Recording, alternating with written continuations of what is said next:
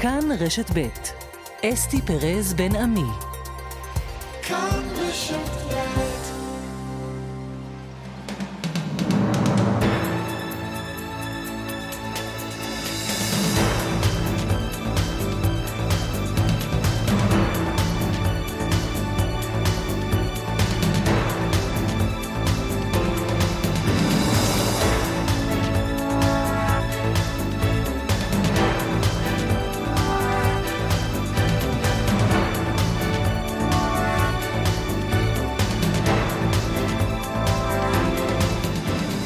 עכשיו ועוד שש דקות בחצי היום. שלום לכם. משדר הצהריים של רשת ב' שעורך גיא קוטב.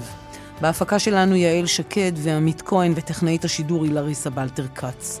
הלחימה בעזה, ביהודה ושומרון ובצפון נמשכת כל הזמן. נפתח את המשדר במה שקורה בצפון. משעות הבוקר עשרות התרעות בעשרות של יישובים. כטב"ם נפל בבסיס צבאי. רובי המרשלג, שלום. שלום אסתי, כן, אז אחרי החיסול אתמול של אה, מפקד כוח רדואן בלבנון, וויסאם טוויל, והחיסול של חסן עכאשה מהחמאס בבית ג'אן שבסוריה, אז הבוקר אה, נראה שחיזבאללה פותח במה שנראה מבחינתו כמו תגובה לאותם חיסולים. לפני הצהריים כמה כטב"מים שוגרו לעבר בסיס פיקוד הצפון אה, כאן בצפון. אה, זוהו כמה פגיעות, לא היו נפגעים בגוף, אין אה, פגיעה גם בתפקוד של אה, הפיקוד. ובצה"ל אה, מדווחים על כך שמטוסי קרב של חיל האוויר תקפו מחסנים של אמצעי לחימה בכפר קילה שסמוך למטולה, כלי טיס של חיל האוויר תקף חוליית שיגור של כלי טיס בלתי מאוישים בדרום לבנון, ולאורך הבוקר הזה ראינו הרבה מאוד התראות בהרבה יישובים, מרכס רמים ועד לאזור של אביבים והיישובים שמצפון לצפת, התראות גם על ירי רקטות וגם על חדירה של כלי טיס עוינים, חלקם אה, הופלו בידי מערכות ההגנה האווירית, רקטות נפלו בשטחים פתוחים, למרבה המזל אין נפגעים בגוף, ושומעים כאן כל העת גם את מטוסי חיל האוויר וגם את התגובה של הירי הארטילרי של צה"ל לעבר מקורות האש בדרום לבנון. רובי, תודה. כמובן, אם יהיו עוד עדכונים אתה תשוב אלינו, ועוד מעט גם נהיה עם התושבים בצפון. תודה. עמרי חיים, אה, כתבנו, שלום לך. שלום, צהריים טובים. אז אחרי חיסולו של ויסאם אה, טוויל ב, אה, בלבנון ובסוריה של חסן עקאשה, אחרי שני החיסולים האלה, הבוקר מדווחים בלבנון על חיסול שלושה פעילי חיזבאללה בתקיפה שבוצעה לעבר רכב שלהם. נכון, וצריך להגיד, כל האירועים האלו, גם האירוע ש... האירועים שרובי מדבר עליהם ושאני עכשיו אדווח עליהם, זה חלק מאיזשהו מכלול של התרחשויות שקורה הבוקר, חילופי המהלומות האלה בין חיזבאללה לצה"ל, אז אחרי באמת שחיזבאללה מקבל אחריות על תקיפת מחנה צבאי אה, בצפון בכמה כטב"מים אה, תוקפים, אנחנו מבינים שצה"ל גם מקבל אחריות על תקיפה לעבר חוליה, למעשה חוליית שיגור של כלי טיס בלתי מאוישים בדרום לבנון, וזה בדיוק האירוע שמדווחים עליו. בלבנון, שלושה פעילים הרוגים של חיזבאללה, כך מדווחים שם בתקיפה לעבר רכב באל-רנדורי שבדרום לבנון, שם כמובן מייחסים את התקיפה הזאת לישראל, בישראל אומרים גם אנחנו אה, עשינו את זה למעשה, כך נכתב אה, בהודעת אה, דובר צה"ל. אה, זהות ההרוגים, כמו שאמרתי, היא אה, של אנשי חיזבאללה, כך לפחות לפי חלק אה, מהדיווחים, לפי סוכנות הידיעות אה, רויטר. וכמו שאמרת, אסתי, האירוע הזה בא, נזכיר, אחרי החיסול המשמעותי באמת אתמול של ויסאם א-טוויל, מי שהיה המפקד בפועל של כוח רדואן של חיזבאללה, כשהיה ברכבו בחיר בית צילם. בלבנון, אם זה חיסול, אם זה פגיעה באותה רמה, ככל הנראה לא, ככל הנראה מדובר באמת בחוליה שביצעה ירי אה, מקומי ולא בחיסול ברמה כזאת של אה, ויסאם א-טוויל, אבל כמובן זה פגיעה אה, במחבלים שמנסים אה, לפגוע אה, בישראל, ובחיזבאללה אומרים, אה, התקיפה הזאת שלנו היום, התקיפה באמצעות הכטב"מים התוקפים לעבר בסיסי אה, צה"ל, זה חלק מהתגובה על חיסול בכיר חמאס סאלח אל-ערורי ומלווה בשבוע שעבר בלבנון, בדחיה, בביירות, וגם התגובה על חיסול, חלק מהתגובה על חיסול אה, ויסאם א-טוויל אתמול אה, בלבנון, חילופי מהלומות שכל הזמן אסתי הולכים ומתגברים בינינו לבין חיזבאללה ולבנון. תודה רבה לך, עמרי, על העדכונים האלה. לבנון, אה, סוריה, הצפון בהחלט רותח. מצטרף אלינו עכשיו אלוף במילואים ישראל זיו, לשעבר ראש אג"ם. שלום, ישראל. צהריים טובים. נתחיל בצפון, תכף נדרים וגם נלך מזרחה. איך אתה קורא את תמונת המצב עכשיו אה, אה, בצפון? אנחנו אה, שומעים שהצפון כל הזמן, אה, כל הזמן בלחימה, כל הזמן אה, בתגובות של החיזבאללה או במתקפות של החיזבאללה ותגובות אה, של צה"ל, ו- ולא ברור אם זה הולך צעד אחד קדימה, או אם אתה חושב שישראל צריכה ללכת צעד אחד קדימה לכיוון החיזבאללה ולתקוף ממש. מצד אחד, אסתי, כמו שאת אומרת, יש פה, כמו זה ברור, יש פה הסלמה. מצד שני, יש פה דווקא התקבעות של אה, הגבולות של אותה מלחמה בזירה של דרום לבנון וגבול ישראל. ומהבחינה הזאת יש פה אפילו הייתי אומר אה, יתרון מסוים, משום שברור שזה לא הולך כרגע לפחות לאסקלציה רחבה יותר שמכניסה מבחינתם את ביירות ומבחינתנו את הקו של אה, חיפה או דרומה, או אפילו אזור של תל אביב. אה, וה, והמאבק פה על עיצוב הגדר, כל זה קורה כשבמקביל בעצם אה, מתקיים המאמץ המדיני על ידי עמוס הוכשטיין לנסות ולהחזיר למקומו את 1701, את, את ההסכם בין, בין ישראל ללבנון.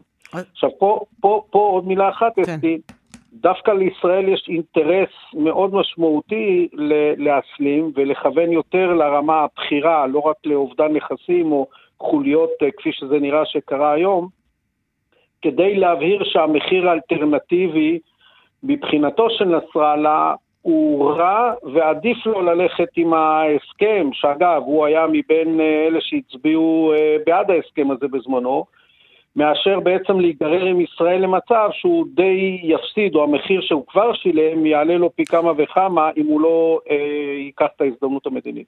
אנחנו לומדים מ-7 באוקטובר, ישראל זיו, שכל ההסכמים וכל הכאילו שקט ו- וכל ההבנות והפנמות והכלות של פה ושם אירועים, אנחנו לומדים שבזמן הזה האויב אה, מתחמש, מתחמש הרבה מעבר למה שידענו, מתכנן תוכניות זדון הרבה מעבר למה שידענו, ואין לנו שום סיבה שלא להניח שזה מה שקורה עכשיו בלבנון.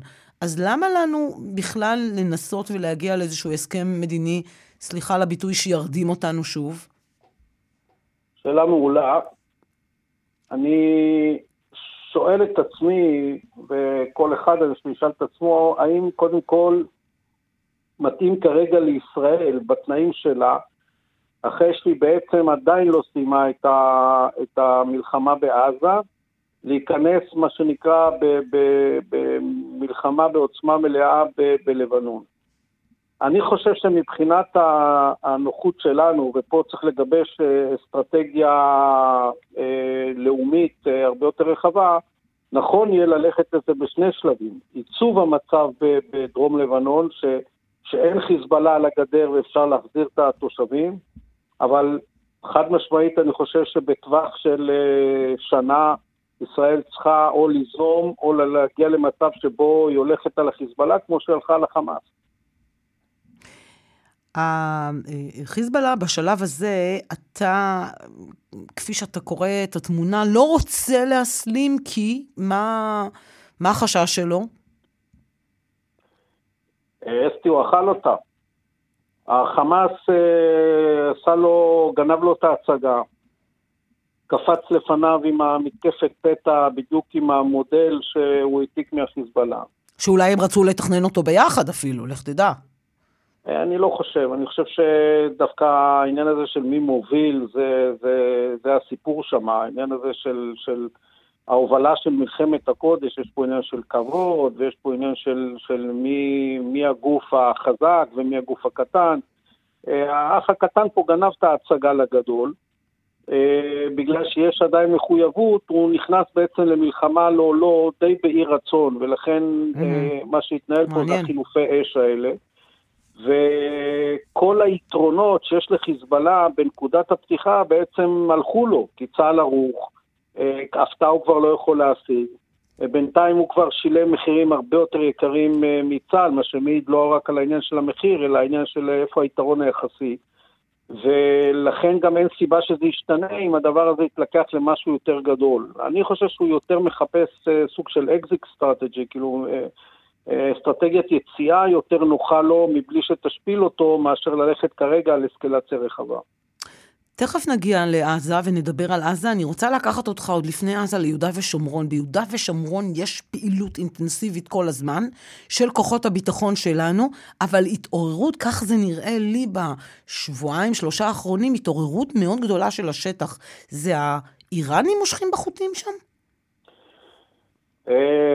אה, כרגיל, את, את מבחינה היטב ש, שקורה פה המשהו האחר. אנחנו כל הזמן אה, בפינג פונג הזה בין אה, צפון לדרום, ובעצם יש פה התרוממות של, אה, של זירה נוספת, שלהערכתי, הייתי אומר את זה בצורה זהירה, מי שדוחף את, ה, את ההגברה מתוך הבנה שהחמאס די ב, ב, בשלהב, בשלהי תפקודו, אה, חיזבאללה מוגבל ביכולת שלו לפתוח פה זירה משמעותית מול ישראל, ולכן האיראנים כבמאי המרכזי שעומד מאחורי אה, שלל הכוחות האלה, כולל נושא החות'ים, ש... שמיצה את עצמו עד נקודה מסוימת והביא להם את האמריקאים כתשובה לחות'ים. הברירה שעומדת בפניהם היא בעצם אה, איך, איך להתסיס או או להבעיר את יהודה ושומרון, וכנראה גם אגב את, את, את סוריה, כי משם גם מדי פעם אנחנו רואים איזשהו אה, מין ירי כזה או אחר, ו, וניסיון לדחוף לשם אה, מיליציות אה, שיעיות. ולכן אני חושב שהכיוון שדיברת עליו הוא, הוא בהחלט נכון, יש פה ניסיון לרקוח זירה נוספת. אגב, זה, זה די תואם את האזהרה שמערכת הביטחון נתנה לראש הממשלה בהיבט הרב-זירתי, ופה באמת אה, אני נוטה להעריך שאיראן היא מאחורי העניין הזה והיא דוחפת את זה חזק. כן. אה, זווית אה, חדשה שלא שמעתי עליה. לצערי, בזמן שאנחנו מדברים, ממש לפני כמה שניות, מתיר דובר צה"ל לפרסם שמותיהם של חמישה לוחמי צה"ל נוספים, שהודעה נמסרה למשפחותיהם שנהרגו אתמול. אתה תישאר איתי על הקו, ואני, ברשותך, אקרא, אקרא כן. עכשיו את אה, שמותיהם. רס"ר במילואים עמית משה שחר, בן 25 מרמת יוחנן, לוחם ביחידת יהלום, אה, חיל ההנדסה הקרבית. סרן במילואים דניס קרו חימלוב וקסלר, בן 32 מבאר שבע. קצין הנדסה קרבית ביחידת יהלום, גם הוא חיל ההנדסה הקרבית. סרן במילואים רון אפרימי, בן 26, מהוד השרון, גם הוא מהנדסה קרבית יחידת יהלום. רס"ר במילואים רועי אברהם מימון, בן 24, מעפולה, פרמדיק, לוחם ביחידת יהלום, ורס"ם במילואים עקיבא יסינסקי, בן 35 מרמת גן, לוחם בגדוד הנדסה 8173, חטיבת עציוני. כולם uh, נפלו בקרב במרכז רצועות עזה, ואני מניחה שאנחנו אה, בהמשך נשמע עוד אה, פרטים על, אה, על נפילתם. מאז אתמול בערב אנחנו עם תשעה שמות של הרוגים, תשעה חיילים שנפלו, ישראל זיו. קודם כל זה מרסק את הלב, אני אגיד לך. זה קשה, קשה כהורים, קשה כקרובים, קשה מכל בחינה, באמת, אני מחבק את ההורים, את החברים, את, את חיילי היחידה הזאת, יהלום היא, היא באמת יהלום. היא, היא פשוט אה, הפכה לגוף מוביל בחזית הלחימה, בוודאי באתגר הזה מול, ה, מול החמאס. אה, קשה, קשה נורא לשמוע על זה, אני באמת שולח תנחומים וחיבוק הכי חזק שאני יכול, המחירים האלה הם קשים מנשוא, אה, וזה לצערנו מלחמה מוצדקת שאין לנו ברירה, ועדיין אנחנו פשוט סופרים את מתינו וקוברים את, את קרובינו, וזה קשה מאוד לכולנו. כן, המלחמה הזו אה, בעזה אנחנו שומעים עוד תהיה, עוד תהיה ארוכה. היא תהיה עוד uh, ארוכה, ואני שואלת אם אתה סבור או מעריך שגם אם היא תהיה ארוכה, בסופו של דבר אפשר להחריב את הארגון הזה, את ארגון החמאס, ארגון הטרור חמאס, שמה שאנחנו לומדים בחודשים האחרונים, שהוא נמצא בכל שביל, בכל בית, בכל פעוטון, בכל אינקובטור, בכל מרפאה, אה, בכל פיר באדמה, בכל שדה, בכל מקום. אסתי, זה, זה כן, זה, זה קצת סיוט, כי זה האמת, את יודעת, אפשר תמיד להגדיר את זה ב, ב, ב, בדרכים יותר מדודות, אבל האמת שזה זה, זה סוג של משהו שנראה אינסופי. אה, מאידך, אה, כאילו, אין לנו ברירה, אנחנו, אנחנו חייבים לייצר רמה כזאת של, אה, של השמדת הארגון, של הכחדת הארגון הזה, כי, אחרת גם אין שום סיכוי. עזבי רק את התוצאות של כל המחיר ששילמנו, ואם נצא כש, כשידנו לא על העליונה, יש לזה משמעויות בהרתעה הישראלית, באסטרטגיה, אבל גם, גם בשטח עצמו. אם אנחנו רוצים שיקום שם משהו אחר, או לפחות לתת את הסיכוי. וזה ב- בלב הדיון כרגע, שגם לצערי הממשלה ב- ב- ב- במבנה הנוכחי שלה כאילו מתעלמת או מנסה לדחוק את הדיון הזה, אבל זה הדיון המרכזי, שרוצים לבנות שם משהו, אבל לא חשוב כמעט איזה פתרון, זה יהיה שלטון מקומי, שלטון רש"פי, לא יודע, הם, הם ממציאים פתרונות אחרים שלדעתי לא קיימים, זה לא יוכל להיווסד שמה. אם לא נביא לתוצאה אחת ש, שראשי החמאס אה, יערפו, פשוט יערפו, הם לא, הם לא יכולים, לא, לא תהיה שם כל דבר אחר, הוא לא, הוא לא יהווה הכרעה. ודבר שני, שלפחות בהיקף דרמטי של 80-90 אחוז מהארגון הזה, הנשק, התשתיות, המנהרות, יהרסו. כי בלי זה, אסתי, אין, אין שם פתרון בר קיימא כלשהו. תישאר איתי, כרמלה מנשה מצטרפת אלינו. כרמלה, שלום. שלום, אסתי. קראנו כעת את השמות של אה, חמשת הלוחמים אה, שנהרגו בנוסף לארבעה אתמול. אה, מה נסיבות נפילתם? נסיבות נפילתם של שישה חיילים בעצם באזור, במרכז הרצועה באל-בורג', באזור אל-בורג'. הנסיבות נבדקות ככל הידוע, ועוד לפני שיש בעצם בדיקה מוחלטת, הם אה, נהרגו בהתפוצצות חומר נפץ בזמן הכנסה של חומר הנפץ למנהרה. בצה"ל בודקים את הנסיבות, האם מדובר בתאונה, תקלה טכנית או פעולה חבלנית, מטען או כל פעולה חבלנית אחרת שנעשתה. ככל שידוע, בלי קשר למקרה הזה, הפעילות הזאת מתבצעת בדרך כלל על ידי לוחמת פלגת סמור של יהלום, היחידה המיוחדת של חיל ההנדסה הקרבית הוא על ידי לוחמים יהודיים מגדי החיל שעברו הכשרה מתאימה, והיא נועדה להשמיד מנהרות על ידי הזרקה של חומר נפץ לתוך המנהרה.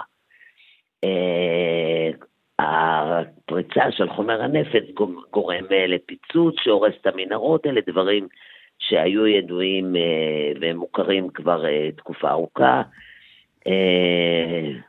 כבר בעבר נעשה שימוש בחומרים האלה להשמדת מנהרות במהלך אה, מבצע צוק איתן ועוד אה, לפני זה. אתמול אמורה הייתה כנראה להתפוצץ איזושהי מנהרה, והפיר של המנהרה נחשף על ידי חטיבה 188 בתוך מבנה לצד חדר ממוזג נמצאת ירידה לתוך פיר מנהרה. אה, עצם הכניסה לפיר גורמת לצריבה מיידית בשל הכימיקלים ששימשו את החמאס שמייצר כמויות גדולות של חומר נפץ, לבנות רקטות, פצצות מרגמה ומטענים. זו הייתה אה, פשוט כניסה של מפקדים לתוך אותה מנהרה, וכשהיינו שם אתמול אנחנו היינו עדים בעצם למפעל ענק של אה, תעשייה ביטחונית, מה שנקרא, כמו תעש, מחרטות עצומות, מנהרות עצומות, אה, כל אלה אמורים היו להגיע לצפון הארץ, פסי ייצור לפצצות מרגמה, טילים ארוכי טווח, מטעני חבלה באזור ההומניטרי, מה שנקרא, אה, ואלה המנהרות שבסופו של דבר הגיעו אליהם אה, לוחמי אוגדה 188, יחד עם הלוחמים של חיל ההנדסה שעסוקים אה, בדיוק בלחימה במנהרות, וסיירת אה, גולני, וכשמגיעים לשם, רואים את הקומפלקס הענק, רחב ידיים, עם מעליות, כשמתחת לכל המשרדים האלה יש עיר שלמה של ייצור אה, של אה, אותם פספסי ייצור של אותם מרגמות, טילים ארוכי טווח שבסופו של דבר אמורים להגיע כן. לת, לתל אביב. ואנחנו היינו שם אתמול, ממש רבע שעה. זמן קצר לפני האירוע הקשה הזה. האירוע הקשה הזה, כן. כרמלה, אה, תודה רבה לך. תודה לך. אני חוזרת אליך, אלוף במילואים ישראל זיו, לקראת סוף אה, השיחה, לשאול אותך, ניסיונך העשיר בצבא, איך מורידים למינימום, איך מונעים אה, אירועים כמו זה, שככל הנראה אה, קרה בגלל איזושהי אה, תקלה או, או טעות?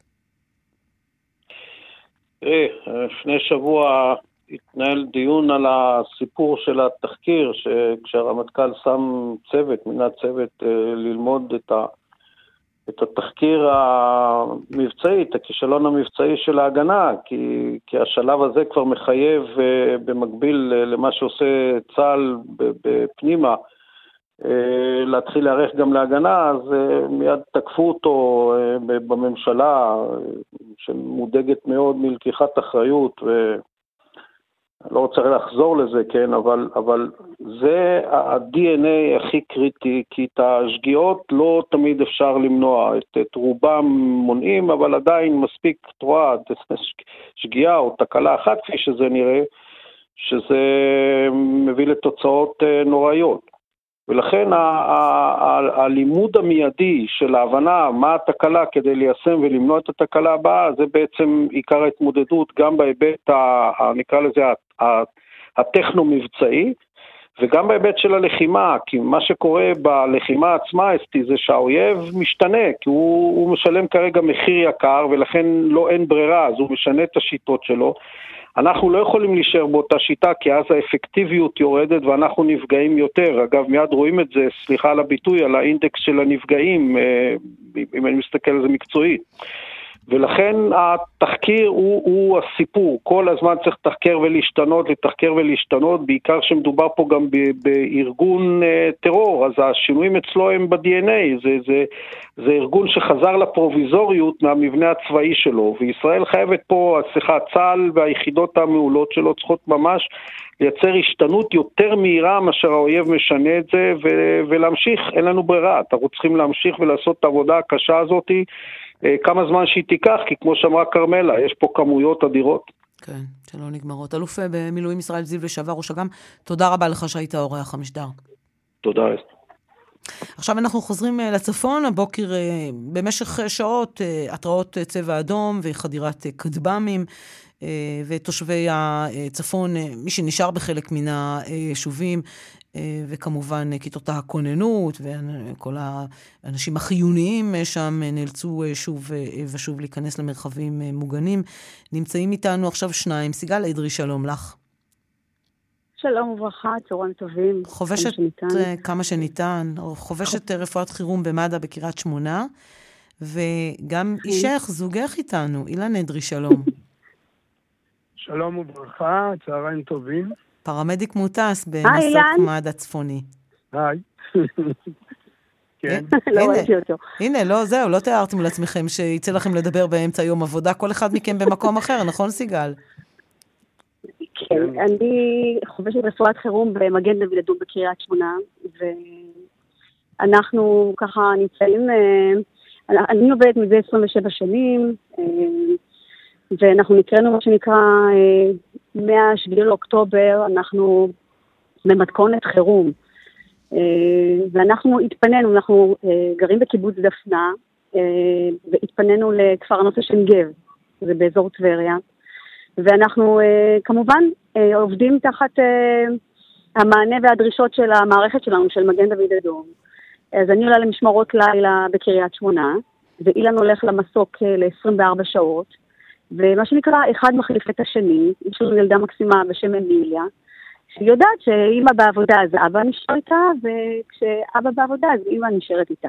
לאן, לאן אה, פוניתם? אה, באופן עקרוני, כי אתם כל הזמן בקריית שמונה, אבל איפה אתם נמצאים במסגרת הפינוי? אנחנו נמצאים בעין גב. בעין גב. ואז אנחנו, אני עולה למשמרות מעין גב לקריית שמונה, כן. כן. אילן, ספר על המשמרות שלך, איך הן נראות בשבוע האחרון. אה, באופן כללי, למד"א יש צוות פינוי אווירי, יחידת מסוקים, שיחידה אחת ממוקמת בצפון ויחידה אחת בדרום, ובעיקרון אנחנו עובדים בתורנויות של 24 שעות. זה צוות של שני טייסים ושני פרמדיקים מוטסים. ואנחנו עובדים יום שאני נמצא, כמו למשל אתמול, אני התחלתי את היום בשמונה בבוקר בתורנות, וסיימתי אותו היום בשמונה בבוקר. איזה אירועים היו לך? אה, אתמול היו, היה לנו בשב... אירוע... בשבוע הראשון. של... אה, לא, אה, את מדברת על השבוע הראשון? לא, אני מדברת על, קודם כל על אתמול. איזה אירועים היו אתמול? אתמול היה יום שהיו בו אירועים, הייתם צריכים להעביר פצועים? אז זהו, אה, בגדול, היחידה שלנו מסונכרנת מול היחידה של חיל אוויר, ויש אזורים שהם לא מתירים לנו להיכנס אליהם, אז אנחנו אה, לא יכולים אה, לפנות פצועים, אלא חיילים. אם כן כן, אלא אם כן יפנו אותם לאחור על ידי ניידות טיפול נמרץ של מד"א. ואז אתם מקבלים נפול. אותם. באזורים מסוכנים נכנסים מקבלים... המסוקים של חיל האוויר. נכון. כן. אה, אבל אה, בעיקרון אנחנו גם אה, כמובן נותנים מענה לשגרה. אז אתמול היה לנו הקפצה לאזור הבקעה של ילד בן חמש לאחר תביעה. שצוות קרקעי של אה, טיפול נמרץ מד"א עשו עליו החייאה והצליחו להחזיר אותו, ואז הם אה, ביקשו אה, אותנו שנגיע לחדירה איתם בבקעה ונפנה אותו להדסה עין כרם בירושלים. סיגל, כשאתם... זה היה מקרה של אתמול. של אתמול. סיגל, כשאת נוסעת, כשאילן נוסע בכבישים האלה, לכיוון קריית שמונה והחוצה מקריית כן. שמונה, זה פחד אלוהים. ספרי על היום. כן, לומר את האמת זה מאוד מאוד מאתגר, וזה מאוד קשוח. אני כבר מצאתי את הזמן, אה, יש את הטיימינג מתי אני עולה למשמרת, גם אם אני מקדימה שעתיים לפני. כמובן, אה, אני עובדת במד"א קריית שמונה עם צוותים מדהימים, והפרמדיקים והחובשים אה, והית"מים, שכל המילואימניקים כבר נהפכנו למשפחה אחת שם. במשך הלילות אתה שומע כל הזמן את הארטילריה שלנו, ואת ההפגזות, וגם מה שהם בעצם מגיבים אלינו. אה, זה די קשוח. אה, היו פעמים שעליתי למשמרת וגם תפסה אותי אזעקה, ואת יודעת, אוקיי, את באוטו, איפה זה ייפול, אז את יוצאת החוצה, פזצת בתעלה, ממתינה עשר דקות, או במבנה מוגן, וממשיכה את הנסיעה. מציאות כזאת היא קשה, שמתמודדים עם הכל. אה, כן, ויש גם מקרים מעניינים, יש מקרים שמותר לספר, יש מקרים, מקרים שאסור לשתף. מאתגר, מאתגר מאוד. אה, ספרי על התחושה שלך כתושבת אה, קריית שמונה, תכף תגידי לי כמה, כמה שנים, שלא בבית, כבר שלושה חודשים. Uh, התחושה היא מאוד מאוד, בעיקר זה האי-ודאות. זאת אומרת, מתי זה מסתיים ואיך זה יסתיים. והכי נכון לומר, כשמגיעים חזרה, השאלה אם הביטחון הזה, זו השאלה שלמעשה כל חבריי גם כן טוענים עם זה. מה יהיה העתיד עם זה? זאת אומרת, אה, אם יהיה פתרון, שהוא יהיה פתרון באמת אמיתי ולא את הסיטואציה שאנחנו עכשיו אה, מבינים ש, שצריך ביטחון מלא. ביטחון מלא זה לבוא ולגור והפסטורליות וכל הנוף וכל הצפון. את יודעת, זה משהו שמקווים אה, ומייחלים שיהיה טוב. מתי? אף אחד לא יכול לדעת מתי. זה אי ודאות. אילן, אתה... זו התחושה הכי קשה. אילן, אתה חושב לעזוב את, לעזוב את קריית שמונה? להגיד את האמת... אתם אה, מתגוררים בקיבוץ דפנה, אני מבינה עכשיו, בתקופה הזו. כן. לפני עין נכון. גב. נכון. אז לעזוב את, לעזוב את האזור, את הקיבוץ. להגיד את האמת שכן מסתובבות מחשבות כאלה ביני לבין סיגי, כי מה שנקרא, צבענו כבר. אני, אנחנו שנינו ילידי קריית שמונה. זאת אומרת שאנחנו כבר בשנות ה-70... מהיום שנולדתם אתם בסבבים האלה. נ, נכון, אז אנחנו כבר בשנות ה-70 חיים בתוך הסיפור הזה, ו... ואנחנו אומרים שאולי זה זמן לעשות אה, חשיבה לשינוי מסלול, או לחשוב איך, איך לשנות את אורח החיים הזה. אבל uh, בינתיים אנחנו לא מקבלים החלטות באמצע המלחמה, כי אנחנו, יחד עם כל עם ישראל ועם הצבא, עסוקים בלנצח. אנחנו רוצים לסיים את השלב הזה, ואחר כך נתחיל לטפל בדברים האישיים שלנו. סיגל, מה אומרת אמיליה על המצב? אה, אמיליה, אמיליה היא לגמרי מפרגנת להורים. היא כל הזמן שואלת, אמא, מה היה? היה משהו מעניין, אה, וזה עצוב שילד בגיל 6 מדבר על אה, מחבלים ועל החיילים הטובים, והיא מוצאת את עצמה כל יום בגן ומתארת ציור לחייל אחר. אמיליה בסדר עד כה, אפשר להגדיר. סיגל אדרי חובשת מד"א. סיגל אדרי חובשת מד"א בקריית שמונה, ואילן אדרי, בן זוגה, פרמדיק מוטס במסוק מד"א. הנה, הפגשנו uh, ביניכם באמצע היום, זה, זה מותרות בימים אלה, נכון? אתם לא נפגשים. הרבה. נכון. אז אתה, אתה יכול להגיד לה משהו, אם אתה צריך איזה מסר למסור, זה, זה הזמן. היא עכשיו זמינה. אז זהו, אה, הוא יצטרך, לי, אז הוא יצטרך לפגוש אותי, כי היום אני עולה למשמרת לילה שוב בקריית שמונה, אז uh, אני מניחה שאני אפגוש אותו uh, אחרי השעה ארבע, ואז uh, ניפגש לקצר כזה ככה, ונקווה שיבואו ימים טובים, נדע ימים טובים יותר. אילן, יש לך איזה מסר שאתה רוצה לנצל את השיחה הזו? המסר שאני רוצה להעביר זה שאנחנו מחזקים את ידי צה"ל, ואנחנו איתם, מה שנקרא, בלב ובנפש, ומתפללים ומאחלים שיצליחו, וש... ושאנחנו מחזקים אותם בכל הכוח מאחורה. כמה שאנחנו יכולים, וכולנו לכל עם ישראל בתקווה שאנחנו גומרים את המערכה הזאת עם ניצחון, ו- ושיהיה שקט לכל האזור ולכל המדינה. אמן. תודה רבה, סיגל ואילן אדרי. תשמרו אמן, על עצמכם אמן. ותודה. תודה לכם. תודה. עכשיו תודה. לדרום, אסף פוזיילוב, שלום. שלום, אסתי. משפחות uh, חטופים ניסו הבוקר לחסום את מעבר כרם שלום למעבר סחורות לעזה. אמרו, אם הומניטרי, אז תמורת הומניטרי עבור המשפחות שלנו שלא מקבלות שם כלום, לא תרופות ולא שום דבר. נכון, דרישה כל כך כל כך בסיסית. ובעצם אותן uh, משפחות uh, נעצרו בידי שוטרים, נאמר להם שזה שטח צבאי סגור והם לא יכולים לעבור. פשוט מכמיר לב לראות אנשים מבוגרים, אפילו קשישים, כל אחד מחזיק תמונה של אה, היקר או היקרה שלו שנמצאת כל כך קרוב אבל כל כך רחוק. הנה נשמע קצת מההפגנה הזאת. הומניטרי תמורת הומניטרי. הומניטרי תמורת הומניטרי. הומניטרי תמורת הומניטרי. כן, ואת אותה זעקה אנחנו שומעים לא בפעם הראשונה, אנחנו שומעים את זה כבר יותר מתשע שנים. משפחת גולדין מגיעה מדי פעם, מגיעה מדי פעם כדי לדרוש את אותה דרישה, לזעוק את אותה זעקה. אני חייב לומר שבמשך שנים הממשלה וכל הגורמים הכי בכירים שהם פנו אליהם, התייחסו אליהם או בזלזול או כאנשים עם אינטרס, המשיכו לה, להעביר לתוך עזה ואמרו כל הזמן בני משפחת גולדין, אתם משאירים שני גופות של חיילים בפנים, אתם תקבלו הרבה יותר חטופים ולצערנו זה מה שקרה. נשמע דברים שאומרת, אה, אמרה שם אה, מול מעבר כרם שלום, אה, כשהם נחסמו, איילה מצגר, החתן שלה, יורם מצגר, נמצא בעזה. הגיע הזמן לעצור את הבדיחה הזאת. הם יחזרו אלינו ב-136 ארונות. זהו, זאת, זאת, זה תמונת הניצחון של מדינת ישראל. מה אני אגיד לילדים שלי? זה מה שמעניין אותי. חמי בן ה-80, כמה זמן עוד ישרוד את השלושה חודשים? זה כבר מעבר לשלושה חודשים. הממוצע באושוויץ היה שלושה ארבעה חודשים. כמה זמן הוא עוד ישרוד את זה בין ה-80? אלוהים יודע. כן, ובעזה נמצא, נמצא גם אה, עומר ונקרט, חולה קוליטיס, אה, לא ראה רופא, לא קיבל תרופות, סכנת מוות גם על ראשו. הנה דברים שאמרה לי אימא שלו, ניבה. לא יכול להיות ש-95 ימים הבן שלי נמצא בשבי חמאס ולא מקבל את התרופות שלו. אני אימא.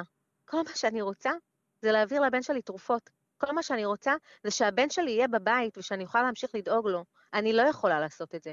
עשיתי בכל הדרכים, פניתי אה, לאנשי הקבינט בשיחות האישיות שלנו שידרשו הומניטרית תמורת הומניטרי. הם טוענים שהסיוע ההומניטרי אה, חשוב להמשך הלחימה שלנו. אני חושבת שזה נכון, אני לא נגד הסיוע ההומניטרי. אנחנו דורשים סיוע הומניטרי תמורת הסיוע ההומניטרי שנכנס. לא יכול להיות שאתם לא דורשים שום דבר בתמורה. מידע על מצבם הרפואי, ביקורים של הצלב האדום, הכנסת תרופות, משהו.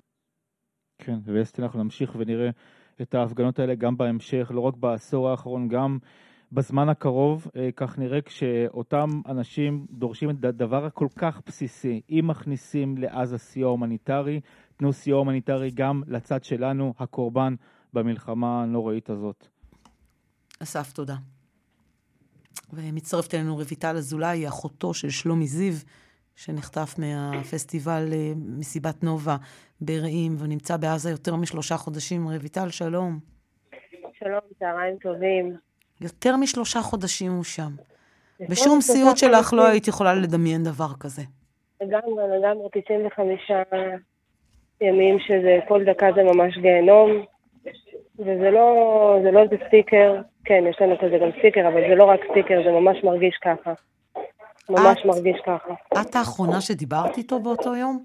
כן, אני האחרונה שבעצם שלומי באותו יום. אני רק אבקש ממך, אה, אם את יכולה למצוא מקום טיפה יותר שקט, כדי שנוכל כן, לשמוע בטח. אותך, או לבקש מהסביבה בטח. רגע, כן. רגע. אז אנחנו איתך, זה בסדר. אז אני לבינתיים אה, גם אלך אה, למקום שקט. כן, כן. וגם אתחיל ככה להסביר שבאמת אני האחרונה שדיברתי עם שלומי באותו הבוקר. אה, בעצם השיחה האחרונה הייתה ב-8 ו-14 דקות איתו, כשבשיחה הוא אומר לי, רבי, אני אחזור אלייך. ומאז, עד היום, אני מחכה ששלומי יחזור אליי, אליי ואל כולנו, ביחד עם כל החטופים והחטופות שנמצאים שם.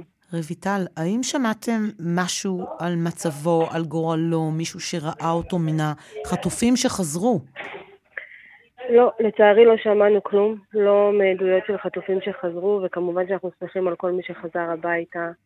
וזה לגמרי מה שאנחנו רוצים להמשיך לראות. אנחנו רוצים להמשיך לראות אותם חוזרים, בריאים ושלמים, אה, וכמובן על הרגליים שלהם. ואני רגע אתחבר באמת למה שהיה קודם אה, בשידור לגבי הנושא של ההומניטרי, אז אנחנו באמת, אמנם אני לא הייתי היום בכרם שלום, מפאת אה, לוגיסטי, בכל זאת גם אחות של שלומי, אבל גם אימא של הבנות שלי, אז ככה קצת קשה לתמרן בין הכל. אבל אנחנו באמת, אין לנו בעיה עם הסיוע המוניטרי שייכנס, אבל ש... שאנחנו נקבל גם משהו בתמורה. אנחנו לא מקבלים את החטופים, אז שנקבל באמת, כמו שאת אומרת, מידע, איזשהו עוד חיים, מצב בריאותי, שייכנס אליהם איזשהו מישהו שיראה אותם, שנדע שמשהו שייתן לנו עוד איזשהו אוויר בריאות, לעוד שבוע קדימה עד שהם יצאו הביתה, גג. את מרגישה שישראל עושה כל מה שאפשר כדי להחזיר את אחיך ואת שאר החטופים הביתה, או שיש לך ביקורת על ההתנהלות? תראי, קטונתי, אני לא חברת קבינט, אם הייתי אז כנראה הייתי יושבת שם בין השולחנות, אני לא אה, אשת צבא. אני רוצה להאמין, אני ומשפחתי, שמדינת ישראל והעומדים בראשה עושים הכל ככל שניתן להחזיר אותם הביתה. אני מאמינה בתפיסת עולם שלי שתמיד אפשר לעשות עוד. ככה אני גם מלמדת את הבנות שלי. אם את חושבת שזה הגבול, תדעי שלא. אז יש מעבר לזה. אז זה מה שאני פה באמת אנצל את הבמה הזו המאוד uh, מכובדת ומקודשת הזו שלכם. לפנות uh, באמת uh, לכל מי ששומע, uh, בין אם זה קודם כל המדינה שלנו, שתמשיכו להאמין ש... שביחד באמת באמת ננצח, וכשאני אומרת ביחד, זה לא רק uh, סיסמה, ביחד זה עם התמיכה שלכם uh, ועם החיבוק החם שאנחנו מקבלים מכם. ולמדינת ישראל, את יכולה לעשות יותר. את יכולה לעשות יותר. זה הזמן שלך. ולא תהיה תמונת ניצחון, שום תמונת ניצחון, מבלי שהחטופים האלה והחטופות שלנו חוזרים בחיים הביתה. ספר... לא מחר, היום. ספרי לי על שלומי, רויטל. קודם כל, בנובה הוא היה חלק מהמאבטחים שם. אה, שלומי עבד במערך האבטחה, הוא היה סדרן. אה, בעצם הוא נסע לעבוד כבר מיום חמישי, ביחד עם אה, שניים מבני המשפחה. הם יצאו שלושה לעבוד שם. אף אחד מהם עדיין לא חזר. זאת אומרת, שניים מהם נרצחו. לחזור הם כבר לא יחזרו. ואנחנו מחכים ששלומי יחזור. הוא עבד במסיבות האלה כבאמת הכנסה נוספת. העיסוק העיקרי שלו ממש עכשיו הוא היה צריך להתחיל בעיצוב פנים, סיים ללמוד עיצוב פנים, וזה מה שהוא יעסוק ברגע שהוא חוזר הביתה. אז הוא באמת יעסוק בנושא הזה. הוא האח הבכור, אנחנו שתי אחיות קטנות מתחתיו, hmm. ואנחנו מחכות שהאח הגדול שלנו יחזור הביתה, כי זה מאוד מוזר להיות, אה, להיות בלי המגן שלו. הוא ממש, הוא כמו גגון שלנו בגשמים, והשמשייה שלנו בימים הקופחים עם השמש, והוא שם תמיד להגן עלינו, מבלי שנבקש. אז הגיע הזמן עכשיו שמדינת ישראל תגן עליו ותחזיר אותו הביתה. הלוואי שהוא יוכל לשמוע את הדברים האלה. את רוצה לפנות אליו בשביל הסיכוי שהוא מקשיב? כן, בשמחה. שלומי וכל האחים והאחיות שלי האחרים שנמצאים שם, אני אוהבת אתכם. אני שולחת לך אור וכוח ואנרגיה טובה ותקווה ועוד קצת ואתם פה בבית וכולם בסדר, גם אמא, גם אבא, גם איראן, כולנו בסדר, באמת. אנחנו uh, מחכים uh, ומדמיינים כבר את הרגע שאנחנו נפגשים, ותמשיך גם אתה, כי זה מה שייתן לנו להגיע למציאות הזו. את מוצאת את עצמך, אה, רויטל, מדמיינת את הרגע הזה שהוא, שהוא חוזר, כמו שאחרים שבו בפעימות וכולם התרגשו, או שאת לא מרשה לעצמך את, ה, את, החז, את, ה, את ה vision הזה, את המראה הזה? וואו, אדרבה, אני מרשה לעצמי ו- ועוד איך, כי אני באמת מאמינה שמחשבה יוצרת מציאות. אנחנו מדמיינים את זה קורה, אה, שהוא מגיע, וככה, לא יודעת, אני מדמיינת את זה באישון לילה, כן? אה, מבחינתי אני אראה אותו באיזה כזה באישון לילה, וככה, עדי ישר תביא לו את הבקבוק קוקה קולה אה, זכוכית, קר, כדי אה, שילגום את זה, כי זה מה שהוא ממש אוהב לשתות. אה, והרבה חיבוקים ודמעות שהתחלפו מדמעות כרגע של דאגה לדמעות של אה, שמחה. אה, וזהו, ואחר כך שיעשה מה שהוא רוצה, רק שאני אדע שהוא פה, באמת. שלומי, אני לא אציק לך, רק תגיע, באמת. חמודה. ספרי לנו עליו עוד משהו שאנחנו, שאנחנו לא יודעים עליו. הוא נשוי, אז על, אני אספר כן, לכם, שלומי נשוי למירן 14 שנים, הם ביחד 17 שנים, הם זוג הכי יפה בעולם, ממש. אה, זוג אה, מנצח, כל אחד אה, בנפרד זה משהו מיוחד, וכשהם ביחד נוצר ממש דבר ששום דבר לא יכול לעצור. אין להם ילדים, מבחירה. ניסו למספר שנים להביא ילדים, וכשזה לא קרה, אז הם, אתה יודע, השלימו עם, ה, עם המצב והבינו שיש להם מה לגדל, את הזוגיות שלהם, והם מטפחים אותה בצורה נהדרת, והם העולם אחד של השנייה. והיא מחכה לו בבית, למרות שהיא גרה בצפון, ולמרות שזה על הגבול, ולמרות שהמציאות גם אצלנו בצפון אה, לא ממש אה, נעימה, היא לא יוצאת מהבית כי היא מחכה לבעלה בבית. ממש, מחכה לו בבית. לא שינתה לו את הארון, כלום. איך שזה, רק שיבוא, החיים נעצרו בשביעי לעשירי, והיא מחכה שהם, אה, שהם ימשיכו. רויטל אזולאי, אחותו של שלומי זיו, שחטוף בעזה. וכולנו מקווים ומתפללים שיחזור אמן, בריא ושלם עם כל החטופים ו... והחטופות. אמן, אמן. ואני רק אוסיף ברשותך משפט, אה, ככה התעוררנו לבוקר אה, לא פשוט. הלב שלי איתכם, כל המשפחות שאיבדו את היקר להם מכל. תודה ש... שאתם מגנים עלינו, ותודה שאתם משתדלים לעשות הכל כדי שהם יחזרו. ושנשמע רק בשורות טובות. כן, אמן, אמן. אמן. תשעה, תשעה לוחמי צה"ל נהרגו מאז אתמול. כן. והבשורות האלה הן מאוד מאוד קשות. רויטל אזולאי, אחותו של שלומי זיף, תודה. תודה לכם, תחזיקו תודה מעמד. לך. תודה. תודה רבה לך. ביי ביי. פרסומות ועוד מעט נשאל לשלומם של הפצועים מן האירועים אתמול אה, בעזה, ובהם גם לשלומו של אה, הלוחם והזמר עידן עמדי. תשעה לוחמי אה, צה"ל נהרגו אתמול אה, בקרובות אה, ברצועת עזה. גם פצועים היו באירועים האלה, ואנחנו רוצים לשאול לשלומם של הפצועים. מוסיף להיות קשה, אבל יציב מצבו של השחקן, הזמר, הלוחם, עידן עמדי, שנפצע בעזה, הוא מאושפז בבית החולים שיבת תל השומר, ומשם מצטרפת אלינו כתבתנו סיון סיסאי. סיון, שלום. שלום, אצלי, צהריים טובים. על מצבם של הפצועים ועל עידן. נכון, אז אה, שלושה לוחמי אה, אה, צה"ל, שלושה לוחמי מילואים פונו אתמול אחר הצהריים מעזה, לאחר שמשאית עם חומר נפץ התפוצצה אתמול בצהריים במהלך פעילות של לוחמי הנדסה במרכז הרצועה, ואחד מהם הוא, כפי שאמרת, זמר והשחקן עידן עמדי, שהגיע אתמול במצב קשה הנה, הוא נכנס לחדר הניתוח כשהוא מורדם ומונשם. ועיקר הטיפול היה הוצאת רסיסים מגופו. אנחנו מבינים שבמהלך הלילה הוא התאושש, ובשעות האחרונות כבר פועלים על מנת שהוא יתעורר, לבדוק את מצבו, אבל, אבל מצבו יציב, ולא נשקפת סכנה לחייו. בנוסף לעידן, עוד שני לוחמים נוספים מאושפזים הגיעו לכאן, אחד במצב בינוני ואחד במצב קשה.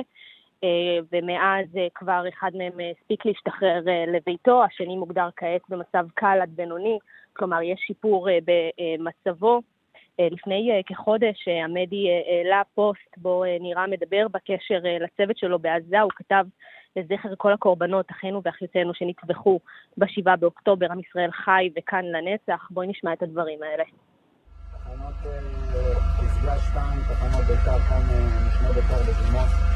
עוד כמה נפוצות של האיתור לזכרם של כל הקורבנות, אחינו ואחיותינו, שנפתחו בשביעי לעשירי, ובמיוחד לזכר חברינו, לוחמים בצוותי הסיור, לוחמים בימ"מ, אלכסי שמקאלה ודרור אלטון, השם ואנחנו נקום דמם.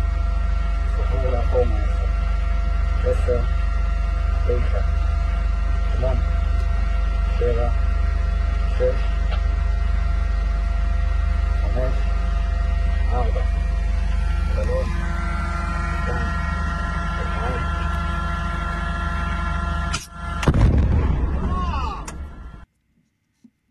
כן, אוסי, אז כאמור לא נשקפת סכנת חיים לעמדי, בנוסף אליו מאושפז פה עוד לוחם במצב קל עד בינוני.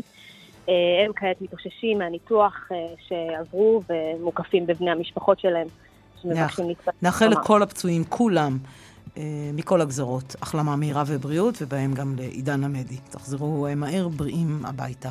תודה, סיוון. סיימנו, שעה ראשונה של בחצי היום, כולנו נחזור אחרי אחת. שערו איתנו, שלום.